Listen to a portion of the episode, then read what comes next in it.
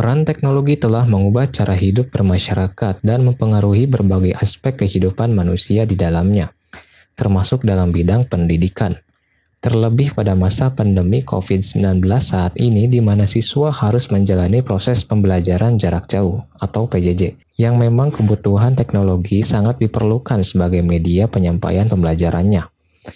Lalu, adakah yang lebih bervariatif lagi dalam segi media pembelajarannya? Pada kesempatan kali ini, saya akan memandu para Bapak Ibu pendengar untuk menjawab pertanyaan tersebut. Tentunya setelah pesan-pesan intro ini. rasanya anjing. Oke, saya Adam. Sesuai dengan janji saya tadi akan memberitahu Bapak Ibu terkait pertanyaan apakah ada media pembelajaran yang lebih bervariatif lagi atau media audio emang bisa ya? Jawabannya ada ya. Jadi setelah melihat berbagai metode dan strategi pembelajaran jarak jauh yang dilakukan guru melalui teknologi daring, ternyata banyak ragamnya baik melakukan video conference melalui media aplikasi Zoom, Google Meet, dan sebagainya, sampai pada metode diskusi dan penugasan melalui media aplikasi Google Classroom dan aplikasi chat seperti WhatsApp.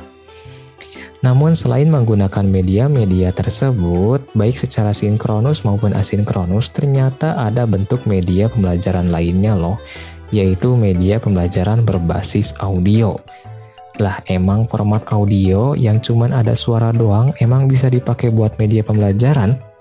Jawabannya bisa banget.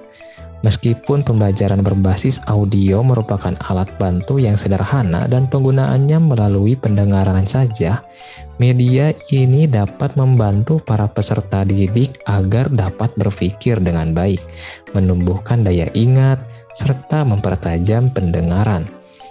Terlebih bisa menyesuaikan jika gaya belajar peserta didik lebih dominan pada gaya belajar auditori atau pendengaran. Berbicara mengenai tipe auditori atau pendengaran, bagi peserta didik yang lebih akrab dengan bahasa tutur, maka media berbasis audio bisa menjadi pilihan alternatif sebagai media pembelajaran Media audio sebagai media edukasi juga akan lebih membantu peserta didik dengan tipe belajar auditori ini.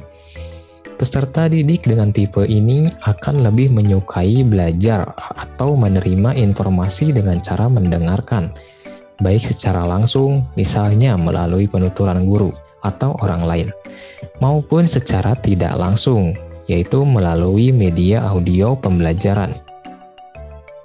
Selain memang disesuaikan dengan gaya belajar mereka, dalam pengemasan media pembelajaran berbasis audio ini tentu perlu mengikuti perkembangan teknologi dan tren populer saat ini yang memang begitu familiar bagi mereka.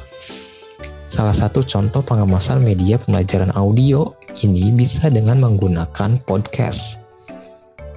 Lah, apa itu podcast?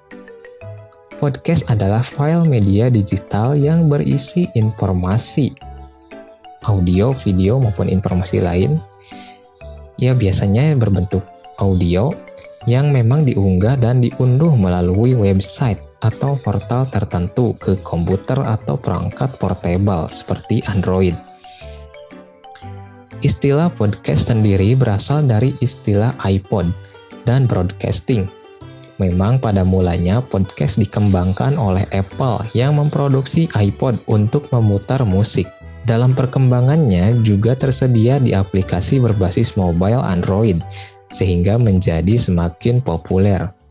Ada tiga jenis format perangkat podcast yang berkembang sampai saat ini, yaitu audio podcast, enhanced podcast, dan video podcast. Audio podcast merupakan podcast yang isinya audio. Format ini merupakan tipe podcast yang paling populer karena file audio dikompresi dengan format digital MP3 sehingga bisa diputar melalui semua perangkat pemutar audio yang mendukung format MP3. Sedangkan enhanced podcast tidak hanya menghasilkan suara tetapi juga menghasilkan gambar file audio berjalan. Terakhir, ada video podcast yang menghasilkan file video yang kebanyakan dalam format MP4. Pembahasan selanjutnya difokuskan pada audio podcast yang cukup disebut dengan podcast. Oke, mungkin itu semua yang dapat saya jelaskan hari ini. Mungkin pembahasan tentang podcast ini akan berlanjut pada podcast episode selanjutnya. Jadi Bapak Ibu semoga mendapat manfaat. Salam dari saya, salamnya salam para cendikiawan, hidup pendidikan Indonesia. Sampai jumpa pada pembahasan selanjutnya.